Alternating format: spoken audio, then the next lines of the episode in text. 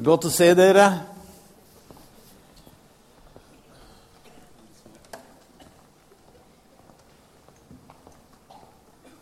Det er litt godt å stå her.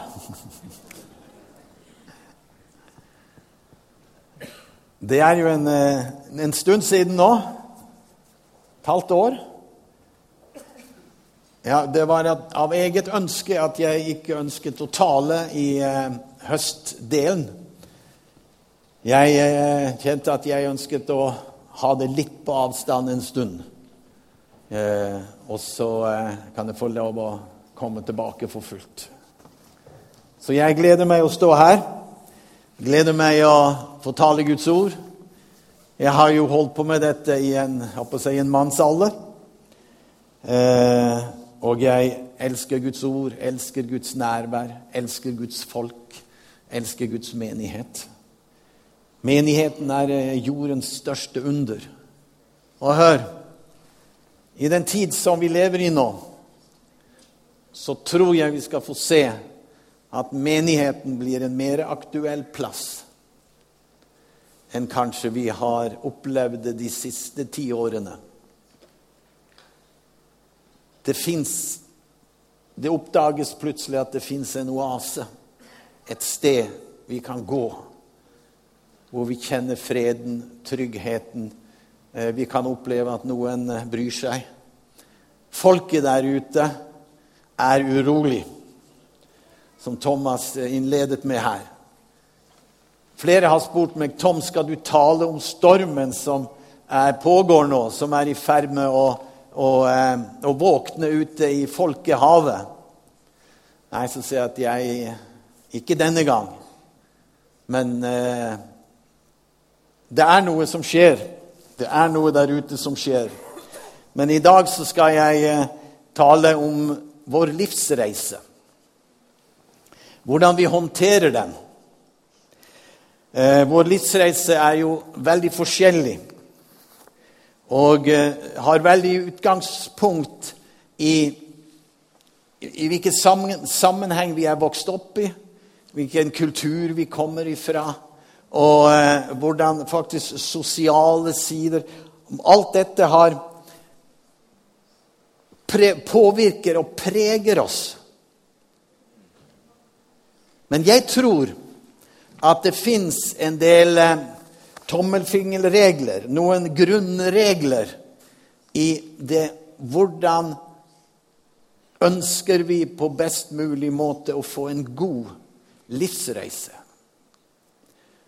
Og det andre blir jo når førsten vanskeligheten kommer i vår vei, så saken er bare at alle vi som er her, det vil være få av oss som går gjennom hele denne livsreisen uten at noe skjer på en eller annen måte. Det kan være selvforskyldt. Det kan være uforskyldt. Sagt på en annen måte, det kan være min feil, og det kan være en annens feil. Og det behøver ikke å være noens feil. Men noe skjedde. Noe kom inn i min livsreise.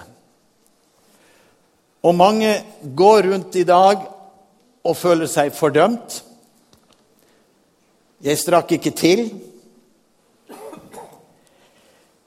Jeg syns det var så urettferdig. Jeg ble så såret.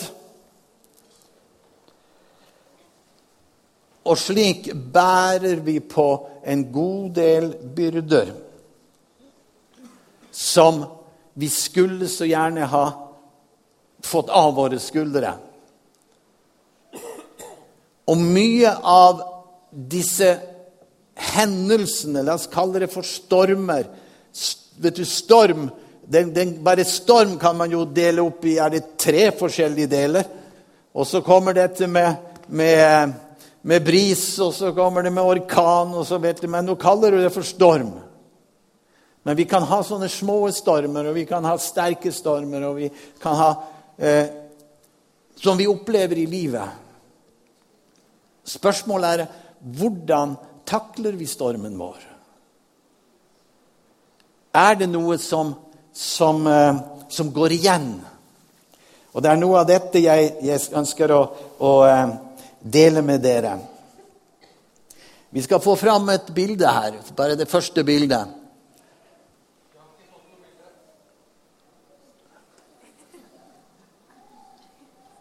Har vi ikke fått noe bilde? Ok. Ja, da blir det en ny situasjon. Det er storm nå, tror jeg. Rune skal prøve å, å gå opp. Han har dem liggende der. Uh, ja, da får jeg ta en runde. Men jeg vil, bare, jeg vil bare si det at i den reisen som vi skal se nå Det er en reise som Paulus eh, skal ha, som går til Rom.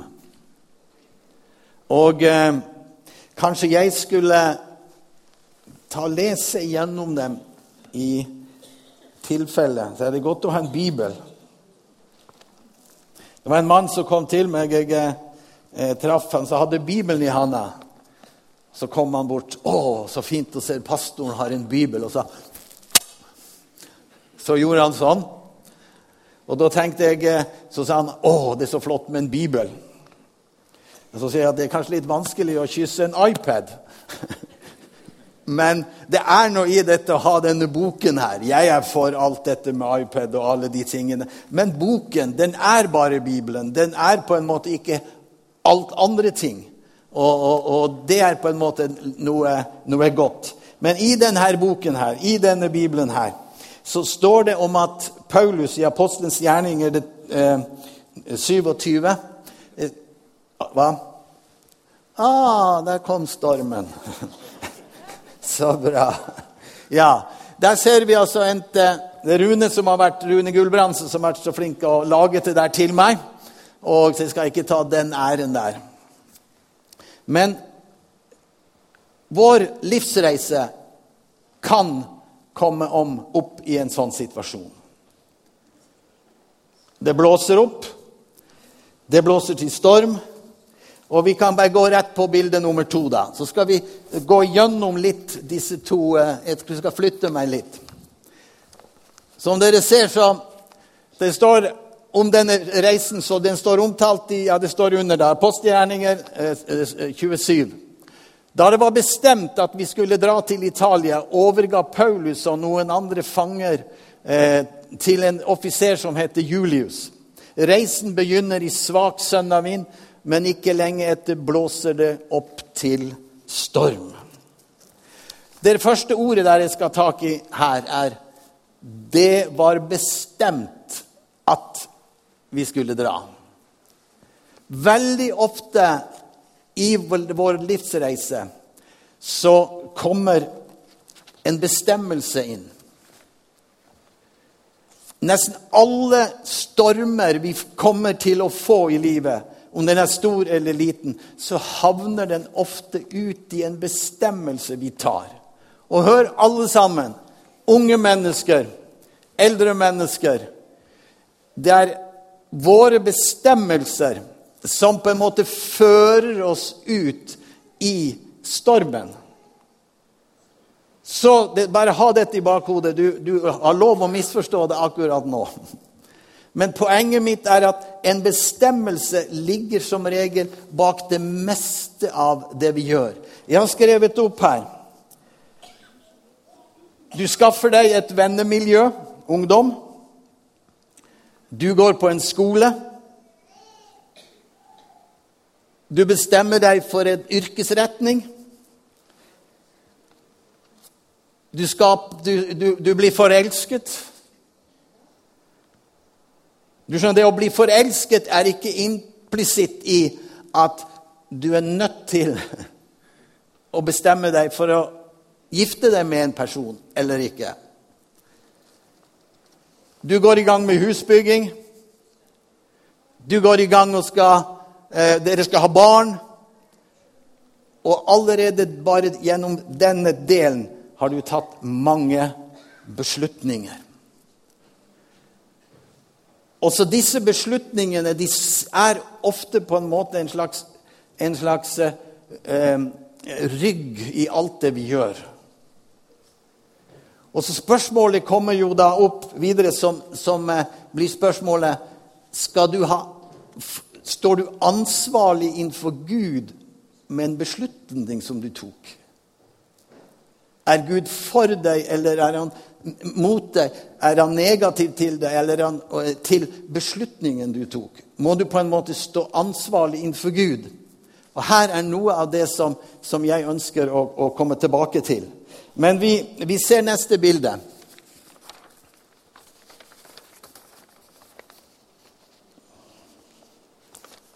Det er bilde nummer tre, ikke sant?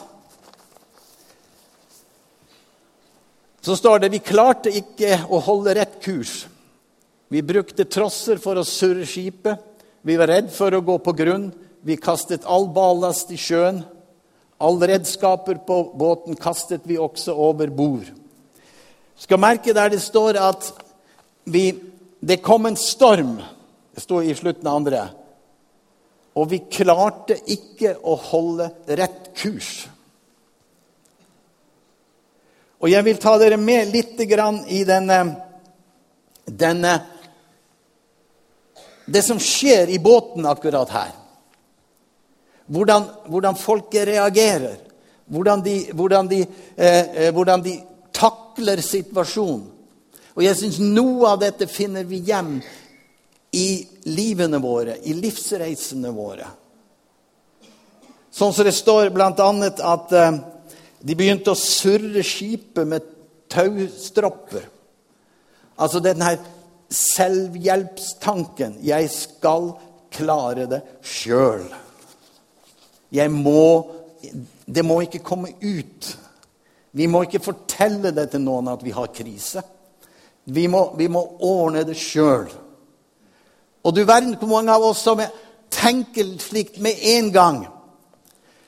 Og så er det etter hvert at noen av en del grunnprinsipper som, som egentlig vi ikke burde gjøre, gjør vi det, det, disse tingene som skal være i båten, som vi egentlig skal ha, som er en del av båtens hjelperedskaper for at vi, skal fungere, det kaster man over bord, for situasjonen blir så fortvilet at man vet ikke hvordan man skal lykkes.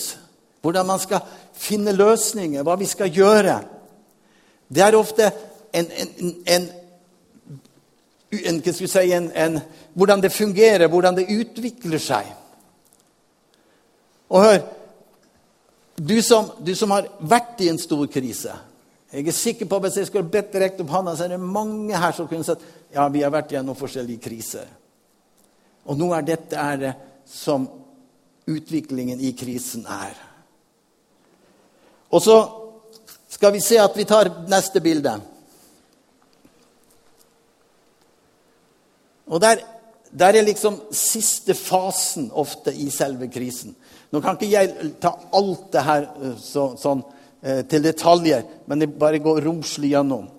Da vi, verken, da vi ikke så verken sol eller stjerner, og, og eh, på mange dager ga vi opp alt i håp alt, ga vi opp alt håp om å bli reddet.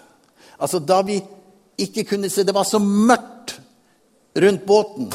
Stormen var så sterkt at de kunne ikke se stjernene. De kunne ikke se solen, de kunne nesten ikke se lyset. Mørket ble totalt.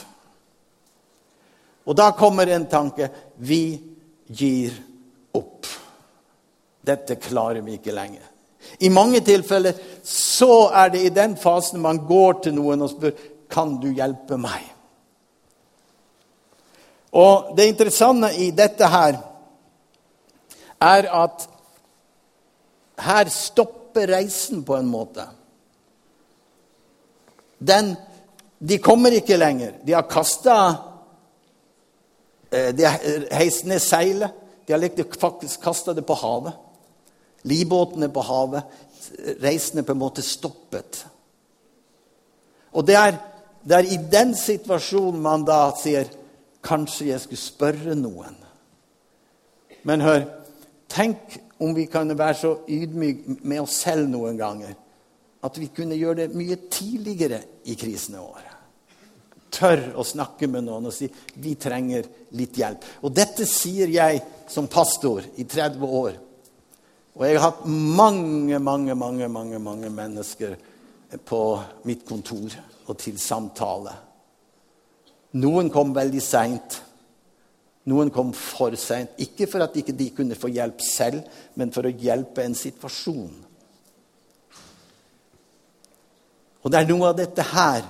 Og i denne fasen her så, så er det noe som jeg i, I denne fasen når man er i denne krisen, så blir man så opptatt med problemene at han som har makt over stormen, han som kan stilne stormen, han tar man nesten ikke inn fordi at man er så opptatt med problemene rundt. Man, man hører det suser av stormen rundt ørene hele tiden.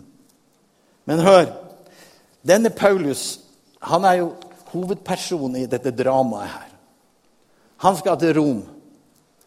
Og det som, det som eh, er interessant her, det er at Paulus Vi skal se på noe som, som er litt, litt, spennende. Det står ikke på bildene. Men Paulus han har anket en sak innenfor keiseren. Og Paulus hans eh, Det var eh, kong Agrippa, Festus, landshøvdingen, som, altså romerled, den som var fra romerske imperiet og styrte Israel på den tid. De ville høre denne fantastiske taleren som heter Paulus. Og så Kong Agrippa sa jeg kunne spesielt få lov å høre denne veltalende Paulus. Og Det ender da opp med at Paulus taler, og kong Agrippa blir så av, uh, han blir så fascinert av hans tale at han uh, faktisk sier det er lite igjen til at du overbeviser meg til å bli en kristen. Så dyktig var han bare han fikk anledning å begynne å tale til folk. Men vi ser at oppi det hele her så er det noe som Når, når både Festus og, og, eh, og kong Agrippa de sier til hverandre så de gikk av sted for seg selv, og så ble de enige om at han, dette trenger jo ikke å komme inn for keiseren. Og så går de til han etterpå og så sier Paulus, er du sikker på at du trenger å ta dette for keiseren? Og Paulus han hadde bestemt seg. Paulus var nok en sånn dang, dang, dang. Så han sa ja, jeg er romersk statsborger. Dere kan ikke behandle meg på denne måten. Derfor så, så anker jeg denne saken innenfor keiseren. Ja, men du kan gå fri hvis du, hvis du ikke anker den for keiseren. Så sier han jeg går til keiseren. Men det som er interessant, det er at Paulus hadde fått to advarsler av to profeter mens han, eh, før denne her saken kommer opp. En, i, eh, en, eh, en, en som heter noe, han heter Agabus. En profet. Dere som kan Bibelen litt, og kjenner det her. Han tok beltet fra Paulus, og så spente han den om magen og, og beina. står det, eller at han, han knyttet sammen eh, seg selv med det beltet. Og så sa han den som eier dette beltet, eh, skal gå og bli fanget av hedningene. Og Gud sier at han ikke skal gjøre Du skal ikke reise til Jerusalem og, og havne i hedningenes hender. Der får altså Paulus et, en, eh, en, en, eh, en, advarsel fra en profet, og så får han en til litt seinere. Men han står på at han skal til Rom, for han mener han har riktig. Så kommer mitt spørsmål, som er hovedtanken i dette. Det er Var det 100% sikkert at det var Guds plan at Paulus skulle til Rom? Vi må huske at han ble drept der nede. Han ble halshugget. Enda han har fått to advarsler om at han ikke måtte dra. Så vet vi også at i, i, eh, i eh, Poenget her det kommer nå. Vi tar neste bilde. Altså, Paulus, Vi kan stille et spørsmål om hvis Paulus hadde hørt på disse profetene Kanskje han hører godt etter. kanskje han hadde fått 20 år til å kunne forkynne evangeliet? Jeg bare kaster fram spørsmålet. Det kan se sånn ut. For Paulus han sier ja, Jeg skal ikke gå tilbake, det blir for mye. at du klarer ikke å følge med. Men der står det Men dere skulle ha hørt på meg. Og da er jo et spørsmål, Hva var det han skulle hørt? Han sa jo litt tidligere i samme, i samme, eh, før reisen begynner, at vi kan ikke reise nå, for hvis vi reiser nå, så kommer alle oss til å dø, inkludert han selv som skulle til Rom. Det står i Bibelen. Men så kommer mitt store poeng. Det er at i denne situasjonen hvor Paulus og da tenker jeg på deg, og da tenker jeg på meg, og da tenker jeg på oss alle som ofte kommer i en krise. Vi gjør ikke alle ting rett. Vi gjør mange dumme ting, vi gjør, vi gjør gale ting, vi tar feile beslutninger osv. osv. Men denne mannen, Paulus, han var overbevist om at det jeg tror på, det vil jeg gjøre. Og så sier han, 'Jeg tror at den Gud som jeg tjener uansett om ikke jeg gjør alt riktig, om ikke alle ting er på plass i mitt liv, perfekt etter Guds fullkomne vilje, så vil Han være med meg for det. Så er det at han, han går ikke opp og ser på stormen, Paulus. Nei, han går ned i lugaren sin. Så bøyer han sine knær. Så sier han, 'Gud, har du et svar oppi det her?' Jeg er helt fortvilet. Jeg vet ikke hva jeg skal gjøre. Og så kjenner vi historien som står der. Vær ved godt mot. En engel var hos meg i natt. Vær ikke redd. Vi skal alle bli berget. Engelen sa, 'Jeg gir deg alle som reiser sammen med deg'.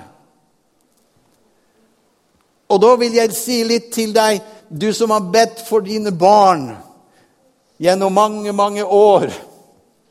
Du som har bedt for dine barnebarn. Du som har søsken, du som har eh, mennesker rundt skolevenninner osv. Ikke tenk på at Gud ønsker at du skal være fullkommen for at han skal høre dine bønner.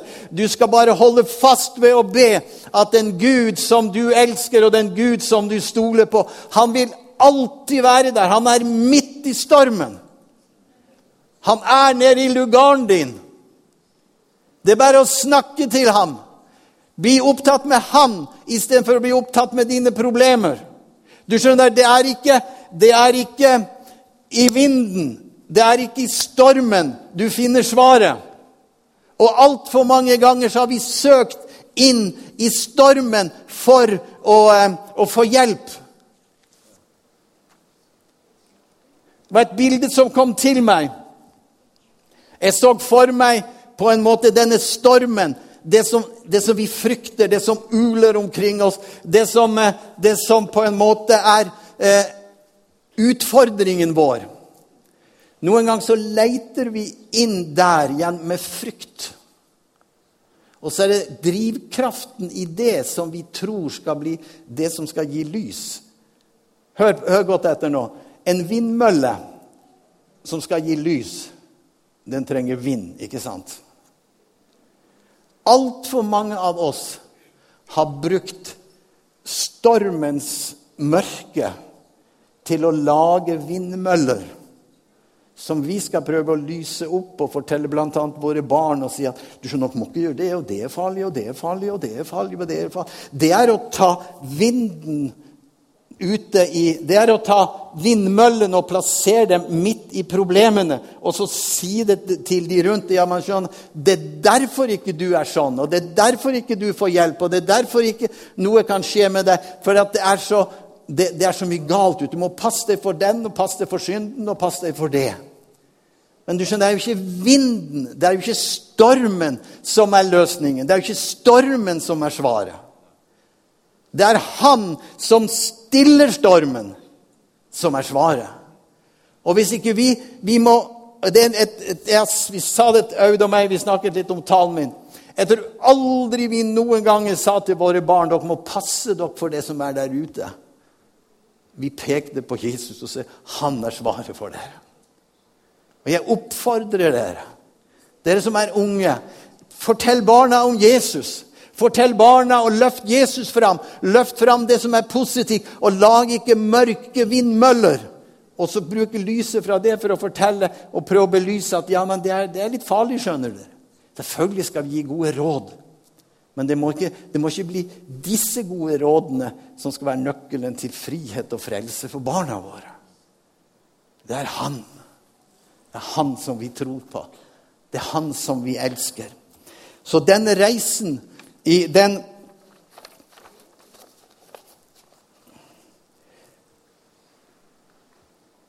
Vi kommer ofte i mange situasjoner, og jeg er sikker på at du sitter her. Kom så til meg når jeg satt der. Jeg følte Gud talte til meg. Du sitter bl.a. her som er så kolossalt såret nå. En hendelse som nettopp har hendt. Så sier jeg er så, det var så dårlig gjort. Jeg er så skuffet. Jeg er så såret. Nå vil jeg spørre deg, hva har du tenkt å gjøre med det? Er det det som skal bli din fokus, det som er vondt? Eller ønsker du å få legge av deg din sårbarhet? Hvor mange ganger har ikke jeg opplevd det? Og hvor mange ganger har ikke vi opplevd det? At vi føler såret, forbigått og, og, og, og alle disse, disse ting. Jesus er her for å ta bort dine, dine problemer. Denne mannen her, Paulus Når vi går videre i denne historien, så skal du merke det så det står der. Engelen sier, og jeg sier til deg, du som, du som ber for dine barn Jeg er veldig opptatt med at du skal få troens innstilling for at hele mitt hus skal tilhøre Jesus. Hele mitt hus, uansett hvordan det ser ut, uansett hvor stor stormen er, uansett hvordan det går med de forskjellige tingene. Ikke gi opp. Han er i lugaren din, han som har svaret. Han er hos deg. Og se her, så står det Se hva engelen sier. Jeg gir deg alle sammen som du reiser med. I denne den, eh, jeg fant ut at etter eh, hva var det sto, 275 personer var med i denne båten, står det faktisk om i Apostelens gjerninger. Og Gud sa, engelen sa til Paulus, 'Jeg skal gi deg alle disse med deg'. Enda Paulus på en måte Du kan tro at allting var ikke perfekt i den situasjonen, så kom Gud. Så gav han 276 mennesker hvordan gjorde han det? Jo, når de havna på Malta, ute av stormen, så begynner Paulus Så tenker han med en gang Gud er her. Gud er med meg. Så helbreder han eh, borgermesteren på Malta. Så blir han frisk. Og så skjer det noen under, og hel, alle syke på Malta står det 'kom og ble helbredet'. Det var utfallet. Det var, ja, av å bli stående i stormen.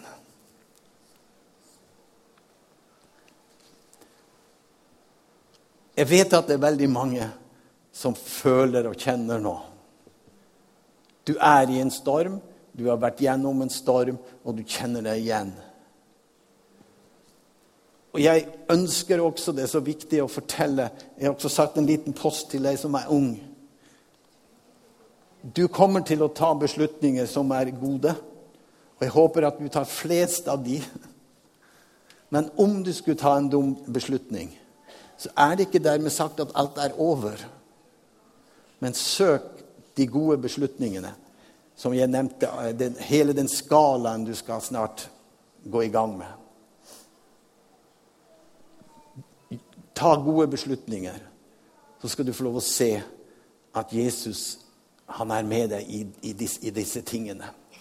Så jeg vil si til slutt her Du er aldri så fanget av din beslutning at det ikke fins en vei ut. Du har aldri gjort så mye galt at ikke Gud kan bli din nærmeste venn. Hør hva Gud sier om Paulus når han treffer ham på Damaskusveien. Om Paulus, denne fantastiske mannen. Paulus, Gud sa til Paulus, 'Jeg', sa Gud, 'er han som du forfølger'. indirekte sier da, direkte sier Gud, 'Paulus, du forfølger meg'. Tenk på Tenk at denne forfølgeren som drepte Jesus sine etterfølgere, han ble Guds medarbeider. Det fins ikke et fengsel hvor murene kan kunne holde ham, altså Paulus. Det fantes ikke noen fengselsdører som kunne stoppe Paulus hvis Gud hadde en annen plan for han videre. Ta dette med.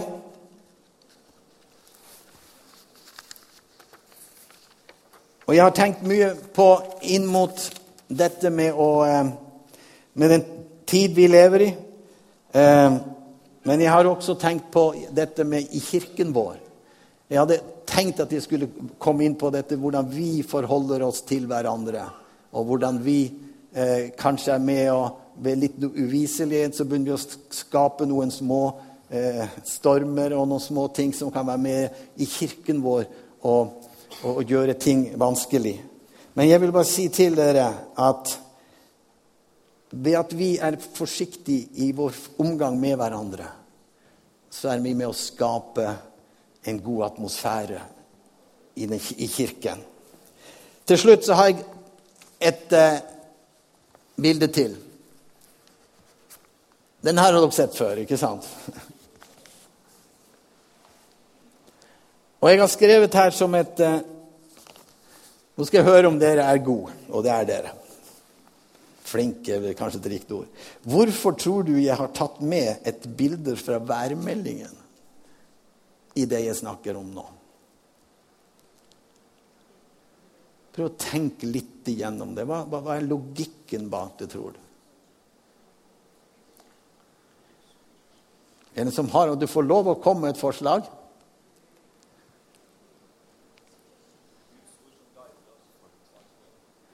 Hva sa du? Guds ord som guider oss? Ja, ikke helt det. Livet er skiftende, ja. Den er eh, ganske god. Men husk jeg snakket om stormen. Hvem var den geniet der? Det var der oppe, ja. Disse kan se stormen før den kommer.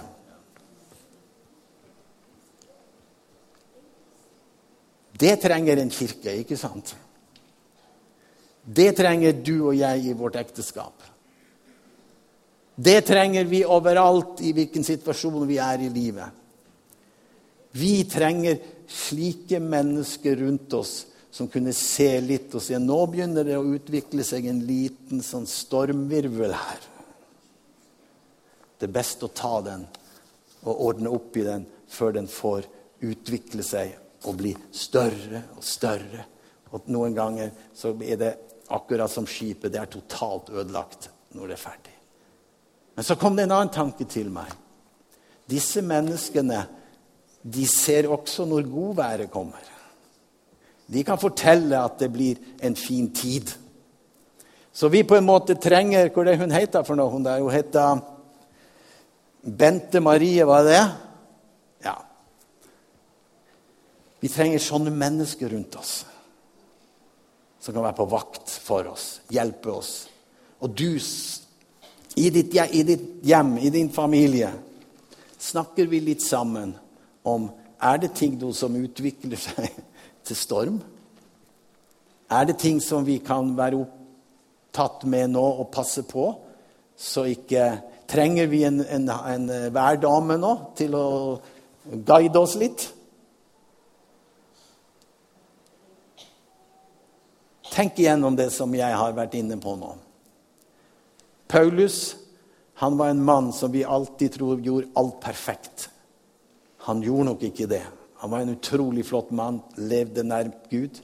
Men det var også svakheter i hans personlighet. Gud var med. Det er du og jeg, vi er også vanlige mennesker som elsker Jesus. Vi tar gode beslutninger, vi tar noen dårlige beslutninger. Mitt poeng er tenk ikke at Gud fordømmer deg. Gud sendte aldri den stormen over Paulus fordi at han skulle straffe noen. Nei, du skjønner, Det var en del stormer som gikk gjennom Middelhavet på den tid av året. Og sånn er det. Gud straffer deg ikke. Det må bli mitt siste ord inn i denne talen. Gud straffer deg ikke. Gud er for oss. Og når Gud er for oss, hvem kan yeah, hvem kan da være imot oss? Det fins ingen som kan, som, som kan, ødelegge tingene for oss hvis vi er bare villige til å gå ned i lugaren og spørre. Eller kanskje Jesus sitter der i båten mens disiplene sier 'vi går under'. Så sier Jesus 'nei, vi går ikke under, vi skal over på andre siden', skjønner du. Jeg, jeg føler at vi Lovsangene kan dere komme opp her.